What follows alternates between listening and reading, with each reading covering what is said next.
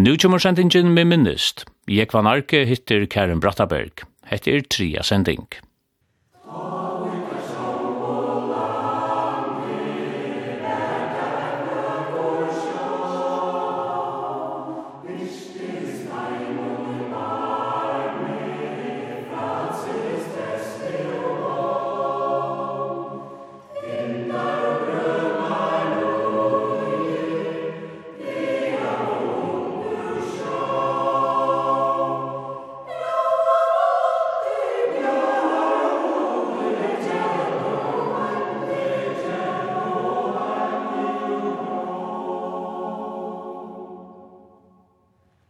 ta i ui jeg er veri her og knapt er, var det så attraktivt å fære av bakalao.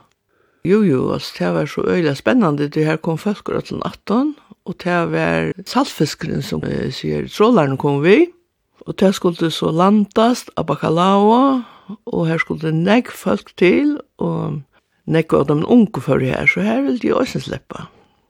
Og møtte folk som vi kjenner igjen av mine aldre, så ble å prate. Det som vi skulle gjøre til var at jeg kom ut i sånne, det var også eldre koner, som ikke er tilmøyer, så vi som var 15, 16, vi rundt og alt det vi kunne gjøre, så det ble gjort som de eldre det her var det, at stakka og gjøre okkar besta, men langt inne, og i kjattler her var koner som vaska fisk, Og der bo formennar om fisk, så snekka fiskar, og så ble det vaska, skor i den ure sarnaka. Der konar minnes de øyla vel, og en joar kona vær, mamma sjakk og depes, og en fukle som et gunnhild, og så en atræt som minnes avmyndelig vel.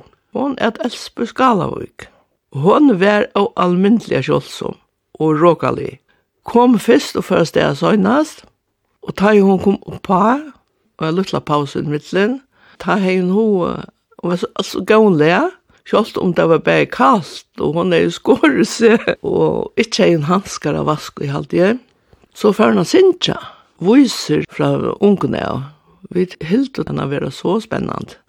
Og hun kom til gang og fra, ja, utanfor, her som rundkvarsen er, her bor jo, Det er nok så lenge vi har genka, og utavtratter, samme vi. Ja, det minnes jeg øyelig godt. Hetta var fra morgenen, men så hadde jeg også skiftevakter. sommerfører på at det var det vi har torska, og sommerfører for klokken åtte morgenen, og så på heim, og så nummer skjøttene, og så framveis og nattavakt. Det gjør det jo også, og her var det jenter. Vi hadde det så stort litt fløyre og sjumpa og viarøye. Vi hadde det utrolig stått litt, men så slopp vi ut pausen og snu i kaffestånd. Her kunne man uh, gjøre leksier til å færre handelsskola ta. Og sommer gjør du utstår, brodera og finasta, finasta. Lån det så du brodera og som bonde til først leier og trøtjer og alt. Ja, det var så tantoina bakalau, og man kjente sånne kva penger hundra og halvtrus kroner om vikina. Det var bara, bara liv og glada dag her ute. Men så tar jeg i verden tog, og jeg har alltid vært øyla streve at arbeid til jeg er i tjattlar noen. Hvis man er tjattlar noen, så er det at man teker fisken ur stakken noen, og tar høyt sommer i øyla lunge. Og det er blivet akkurat som en faste blokk Og hvis man hei luttland småan fisk, som vi kallar for håndfisk, så var det en evig høyda få, altså tremmenar fotlar. Så vi fikk nesten unga paus å ta. Så hun sier at dette blir tid, man kan ikke bare stand på enda maten. Da man kommer vent og gjør på akkurat maten. Og så hun sier nå, nå skal fra haskola.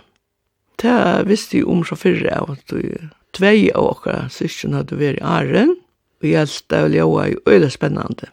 Så det fyrir så, hetta var i øyn trus, og det skøy begynte 1. april, og vi trutja manna fram, det vil si april og mai og juni ut.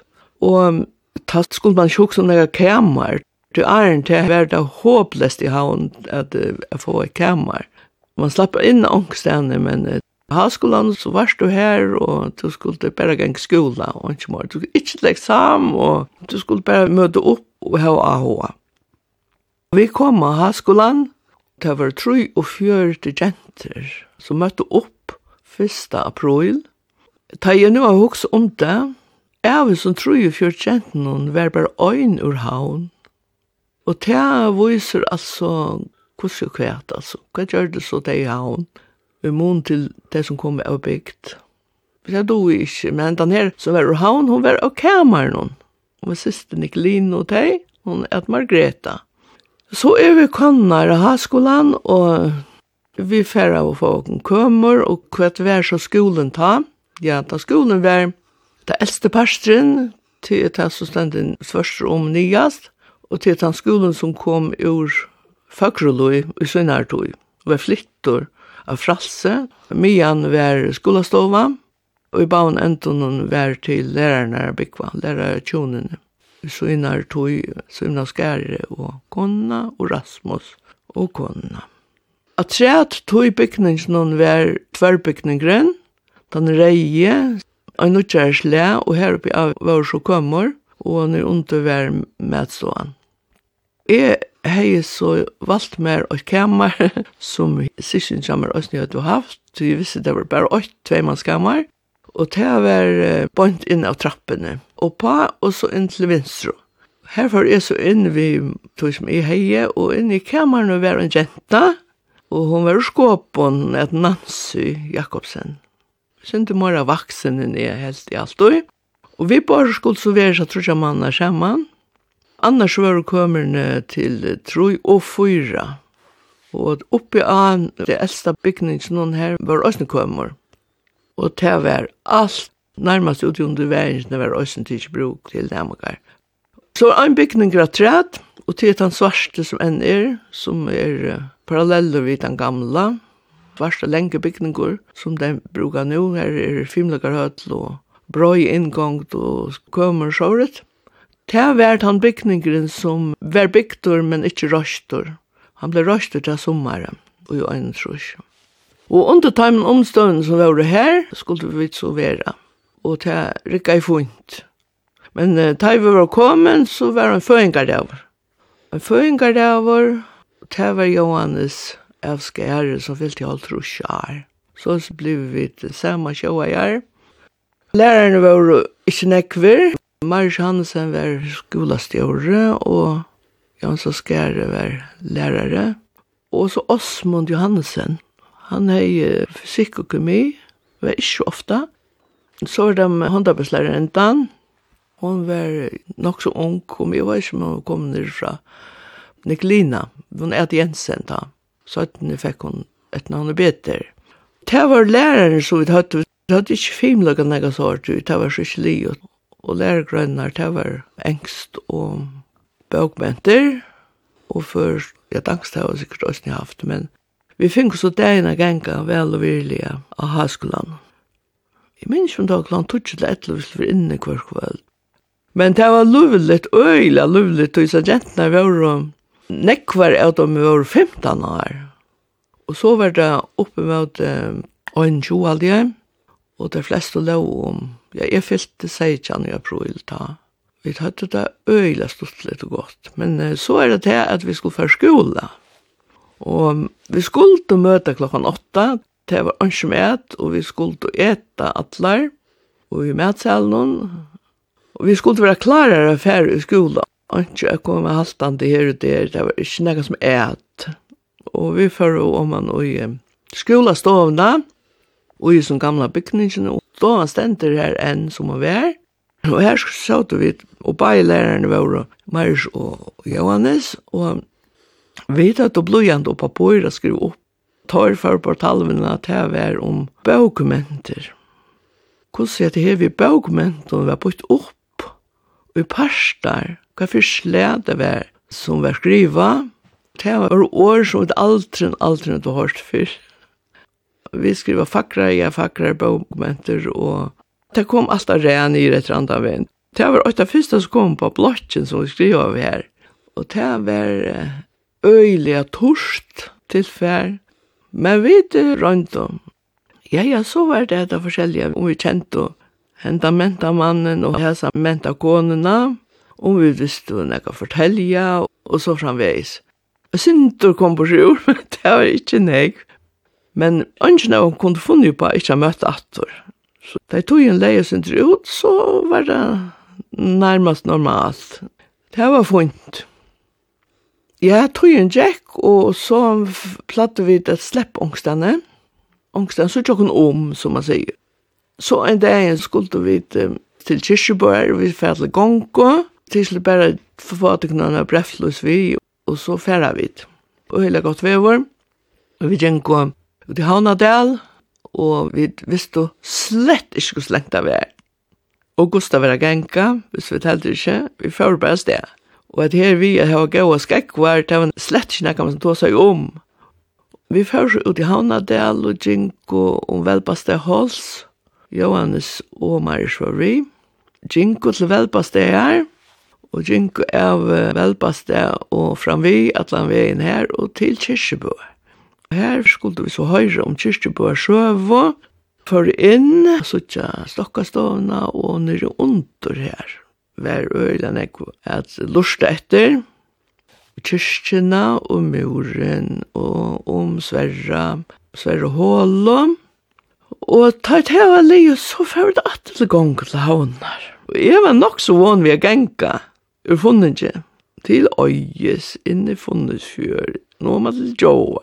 Men hetta så skurslut a genga ur kyrkjebø og nian a handa vegin og så nyer at om man er var arjon.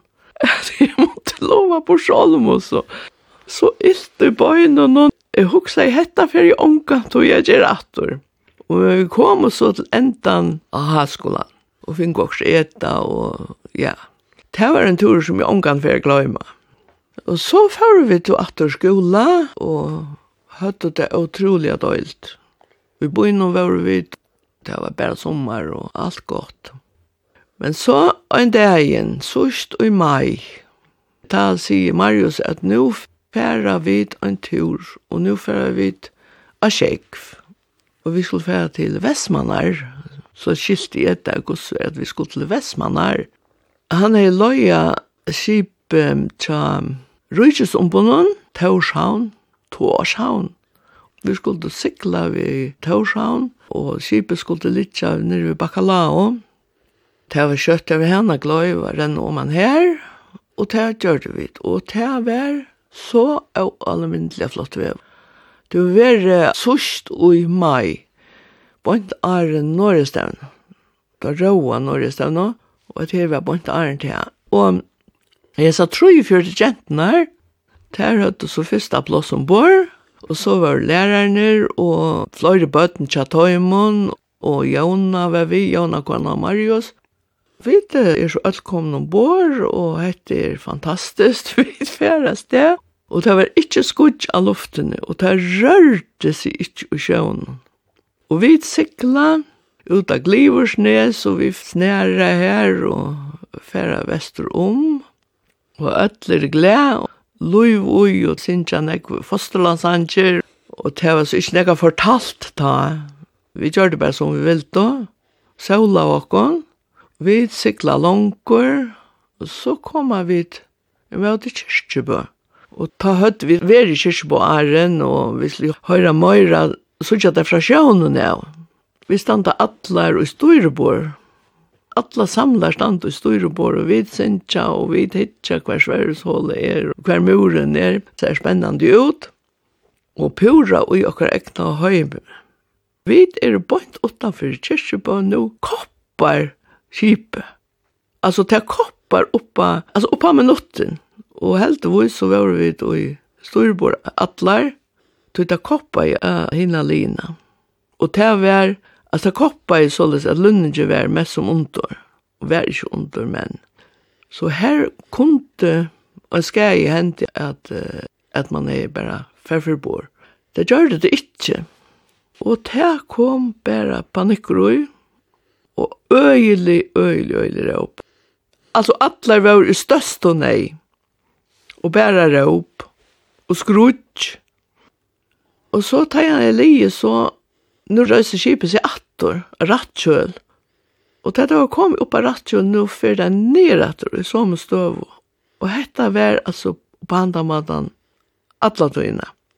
Ja, det var av øyndelig lærer årsøk kom i holdt for kjæreste byen. Hvor sluppet vi det av skipet noen?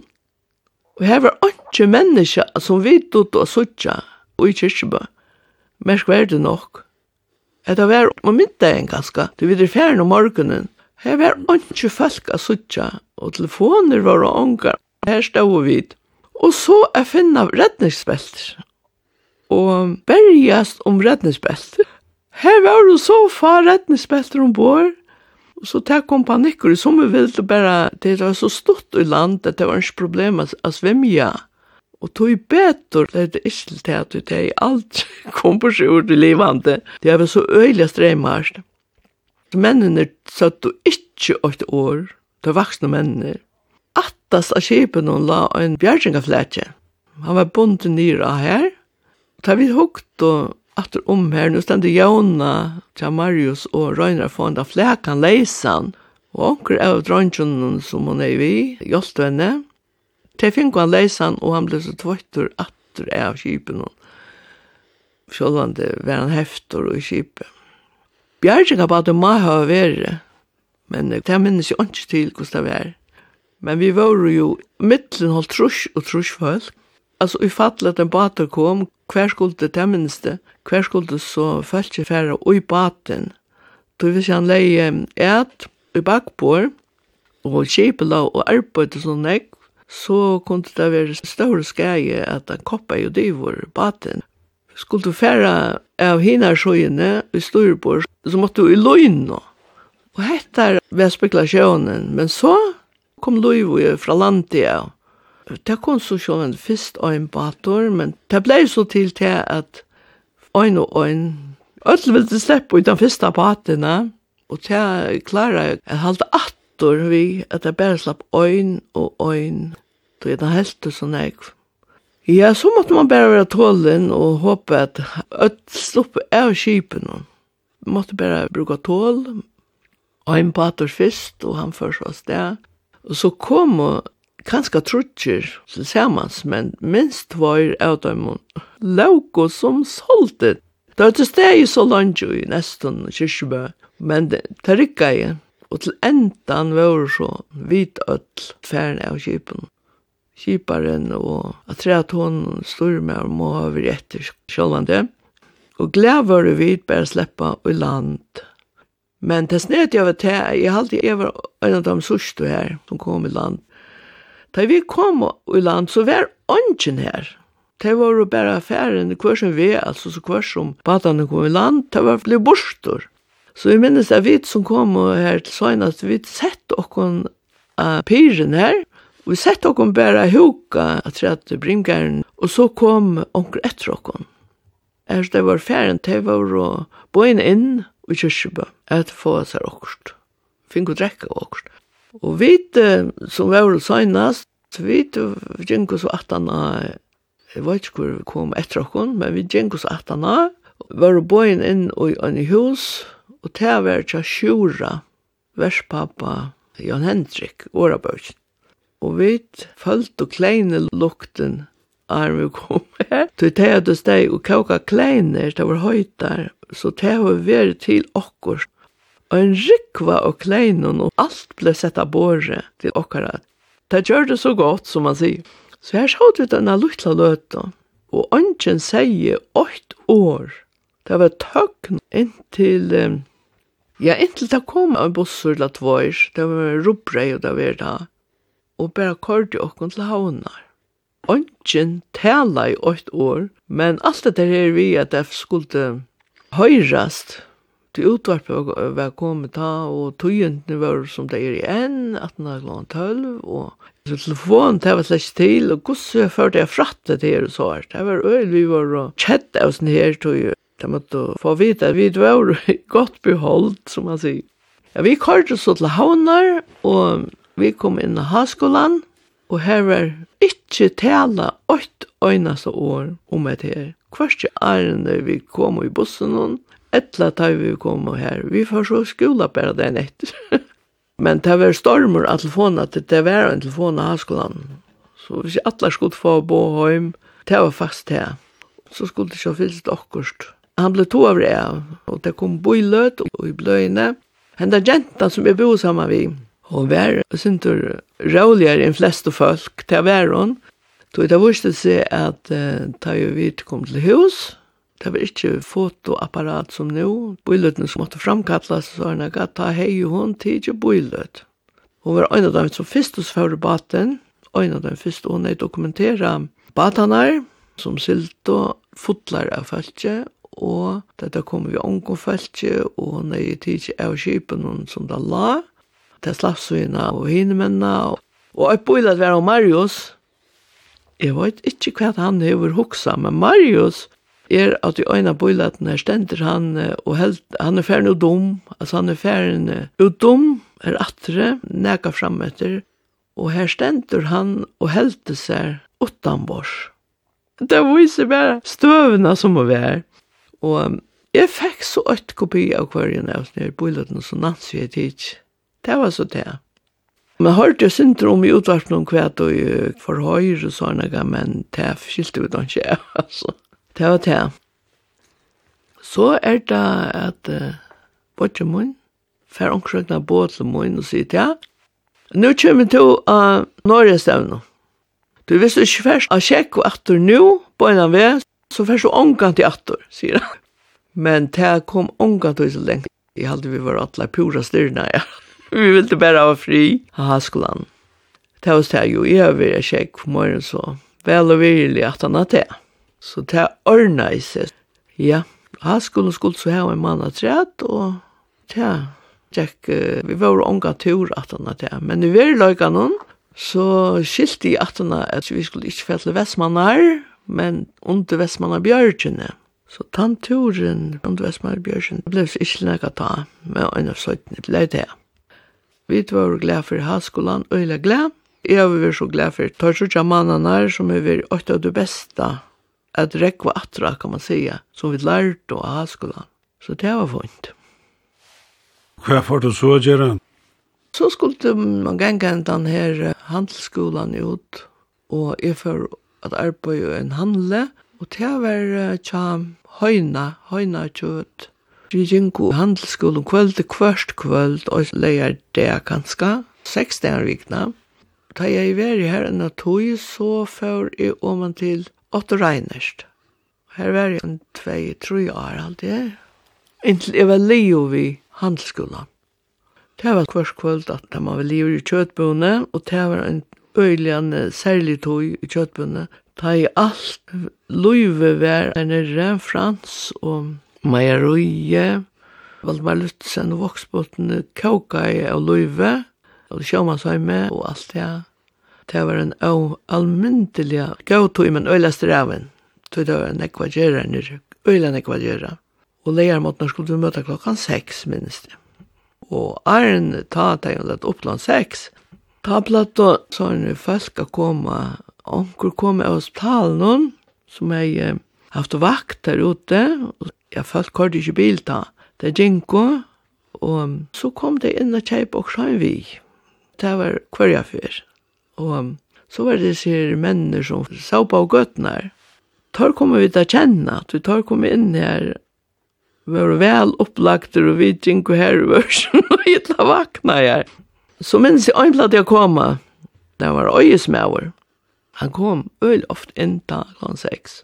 Og så gikk vi til halvvakna her, og så minnes det mamma som sagt var av øye, så jeg hørte beina ved at han tog seg øyesmal.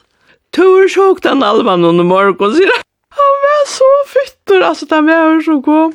Så var det folk kom og ta leiermåten her. Og ta kom man et kjenne øyene folk. Havna folk som kom og ta henne hvis løy til ta. Så det minnes det øyla vel at tra at man kom at kjenne at disse havna følelsen, de kom av bakkedlo og de kom og alle stender fra Ørmyboen at kjeipa seg døvra med fiskafars og kjøtfars. Og så er det frutjadavår, ta vær det møyra, hva skal jeg si, kotletter og sånne. Og så minnes det øyla godt at Marne Simonsen kom at kjeipa. Vi hadde jo knuivar bjåkon, kvassa kløy og i sløyra, og vi gjør det alt. Følte stod av veien der, så vi kunne ikke stande og boja. Så kommer Marner her, og så sier han kjeipa koteletter. Og så kunde man tega bare en svinna kamp, og skjera kotelettene, og så skulle man høkka restene. Og til det var stappene og stutter og gauer, som svinna kamper la av.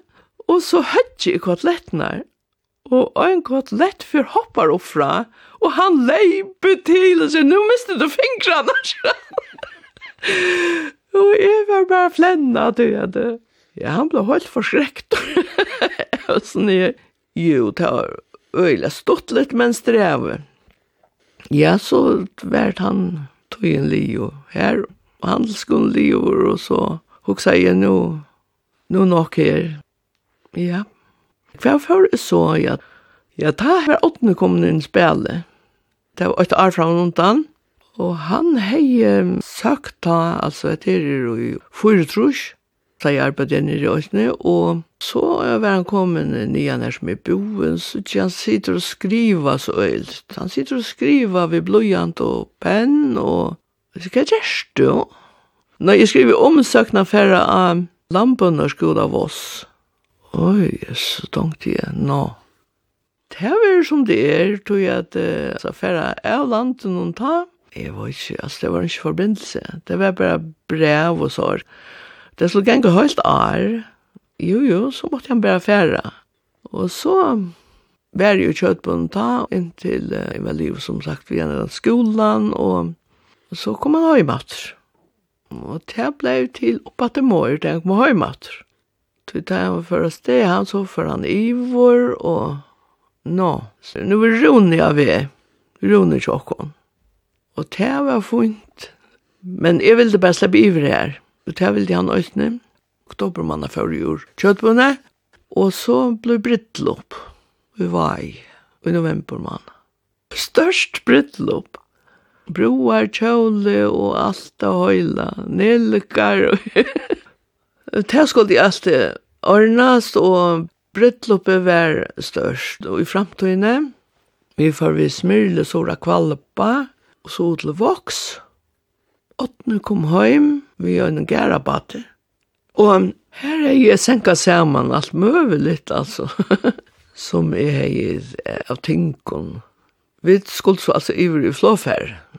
Men det er brytloppet, det var jo nesten en av vikene. Og Axel kom så år, gifte jokken, og brittlopet var i fremtøyene, og her kom og nekvnårene fra Hansemann, og, og Marsten og Jekvann, bare som kjipa i bror, hvis jeg minns det. Og her var nekv isk spennende som var isk her. Axel isk, ja, utrolig spennende. nærmast tått, ja.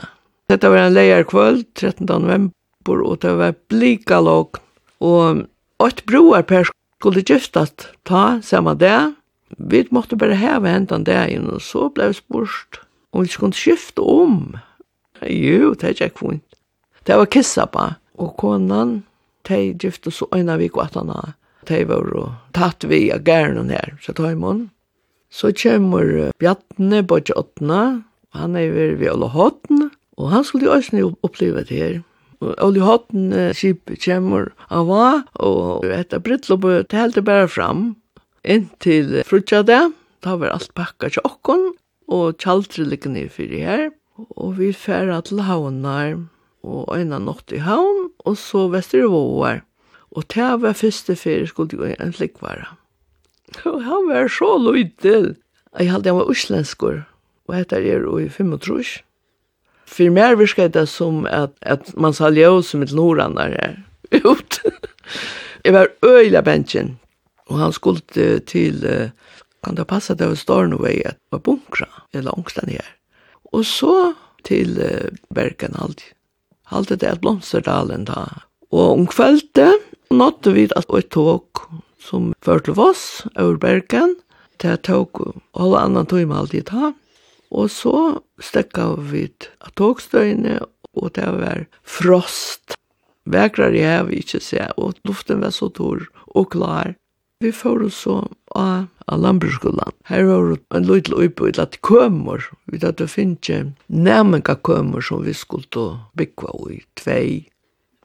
Av oss, her var det føringar, her var um, Snigolvor, Johannes Arsson, som også var funnet ikke, Han er taver av Falkalskolan, og han ligger her, og han er funnet en norska jento, som heter Kari, og tei var oppe her til Alonko, og så annars var Hilde Bjørk, ur Santavaje, og han er også funnet seg en normann, og så var han ur Øravøyk, og sånn her.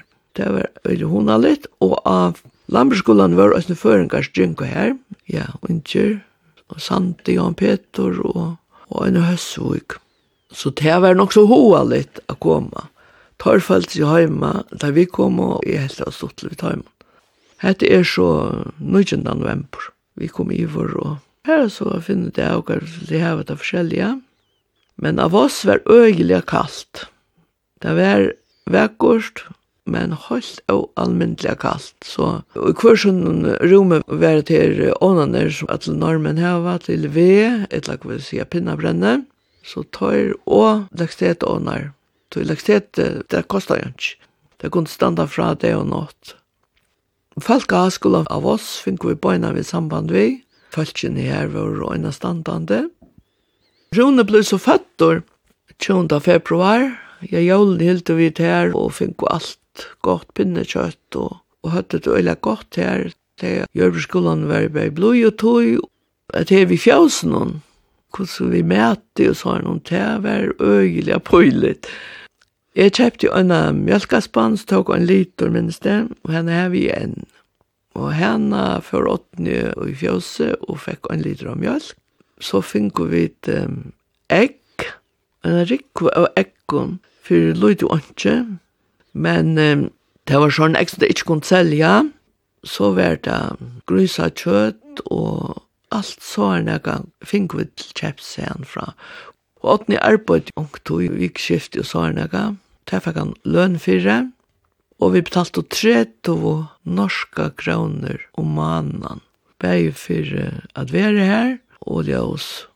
Og at tre tog, ettersom det var så øyelig kaldt, måtte vi heva brenne Og de var så blod at de, her var det sånn gamle hus om og fjær, til ved, de høgt og vi, kattet for ved, om vare. Og så ble det lagret opp. Og her var et fullt hus av ved, som vi skulle bare øye. Det kom øyla vel vi. Vi hadde som sagt forbrenne ånder. Og det han trillet i trillet på råman, og det var ikke nøye av nøkronsle. Ja, så er det pengene, altså, ja, ja, jeg er 80 synder av pengene. Ja, man visste hva man bruker det til. Da jeg er bare i arbeid bakalao, så var det kjøtbunne, vi går til gode løn her. Det ble så sett inn av noe som et postsparebank. Og hetta ble drutja. Og utgjør til Rona, det er alt bestilt, og hei vi, og bonte til han, og så blir han født og tatt ikke trobeløyde, men ta skulle mennene ikke slippe vi. Og her var Løyt sjukos, det er det, det samme enn sjukoset. Og han ble så født uh, nattena til sunne morgon, om så halv 16, og til er fasta lavens sunnemorgon, og ta er så kaldt, at jeg har spurt etter om det, at jeg var ferdig på om tredje og kultast i. Og da jeg hukte ut, at han er kommet in i stoven att han var så vägkost och støttende klart som jag onkan tog jag se att han hade det. Det jag funnet. han hade det gott. vi vid i hade det gott och slå på hem ganska vi gikk att han har. Här mötte så omkron, som kom inn i stoven som vi fick gott prate vi men det paddne blir sjukt men kom fyrir seg attor. Så det er sambandet her vi enn, sånn jeg var at han har tvær rønge runde og i snir røngren. Ja, vi kommer så hem och så ska det passa Rona och det runt i etter føremån. At Att ge honom bröst och da han ble større, så fikk han och Anna sen dra fastare för han vaks öjliga väl. Men så vet vi var nok också länkor. Vi hade samband vi förringarna och ösnet i og, och, och er ösnet. En två lärare hade jag og Kevin la lunch og lunch der stod og skoj og gjorde nok så nekve av. Etter ta tøyen jeg stand og skoj i normen. Så oppi i Bavalen og bant om for her som skolen er. Her um, var nekve kave. Ja, man vante seg bare vi. Kave ble bare litt kjente inntil øyne for apostkon eller søytene. Og ta i kaven for Tina, og så kjem 17. mai, ta vær så andre kæven, jeg kan bære oppi, oppi i fjallene, og ta slapp man ut ordelig. Vi tilte oss ned, det er 16. mai ta, på vanken som det er det. Og så var vøttene, og er alt kom undan kæven. Og søttene om sommeren, 8. ble så li over ta, nok så tølja. Det ble frydeir sjørnagans, det var var, vi får suttja alt det her ute i Hardanker, Tannvegen, Ulvik, Køyra, Sutja, hos alt vaknar attor. Det var helt utroligt. Jeg sutja hos surblatrøyen, alt, alt, frukten, kom fyrir seg her.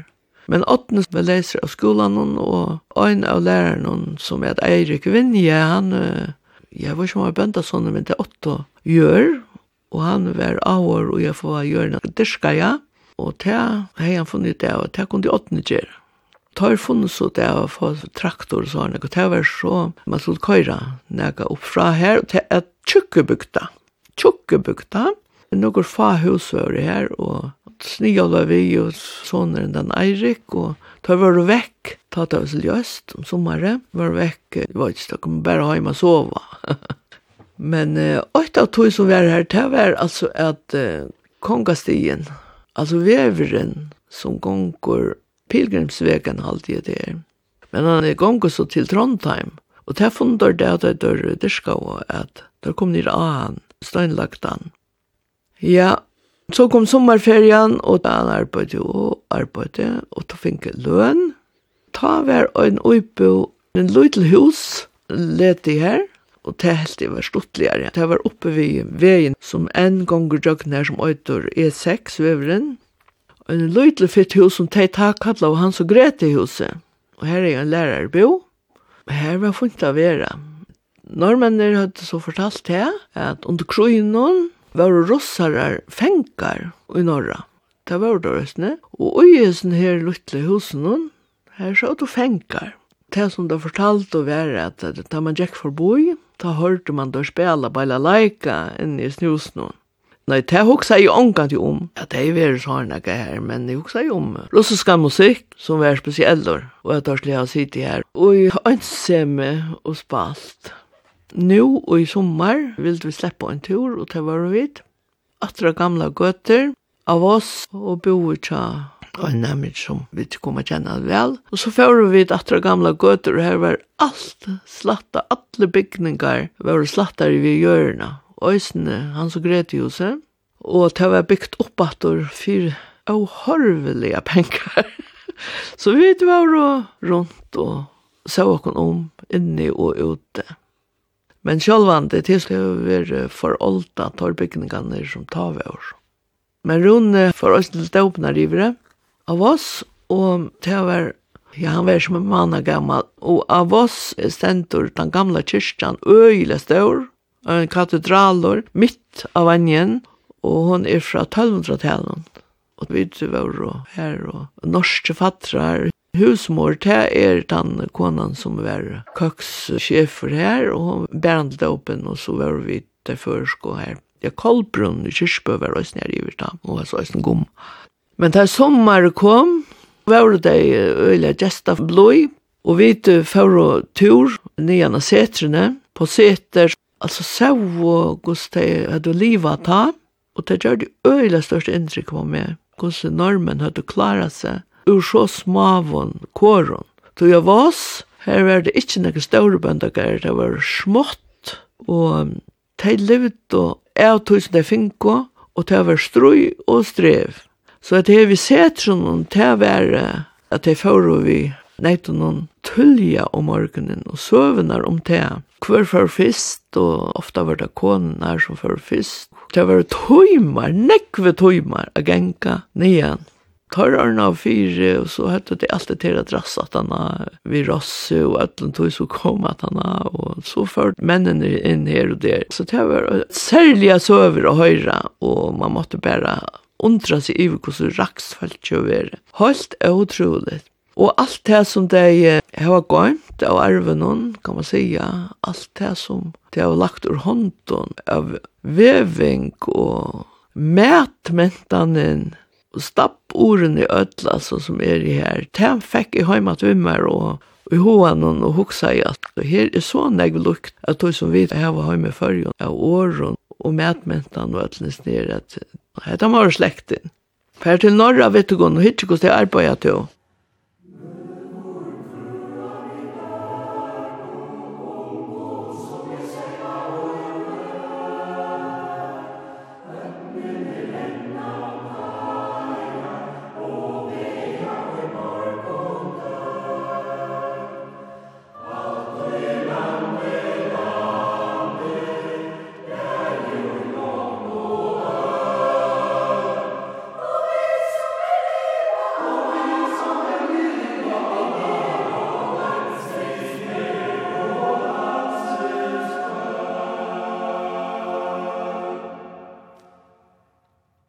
Hatta var sendingen med minnist. Jeg var narki hitte Karen Brattaberg. Hetta var tria sending.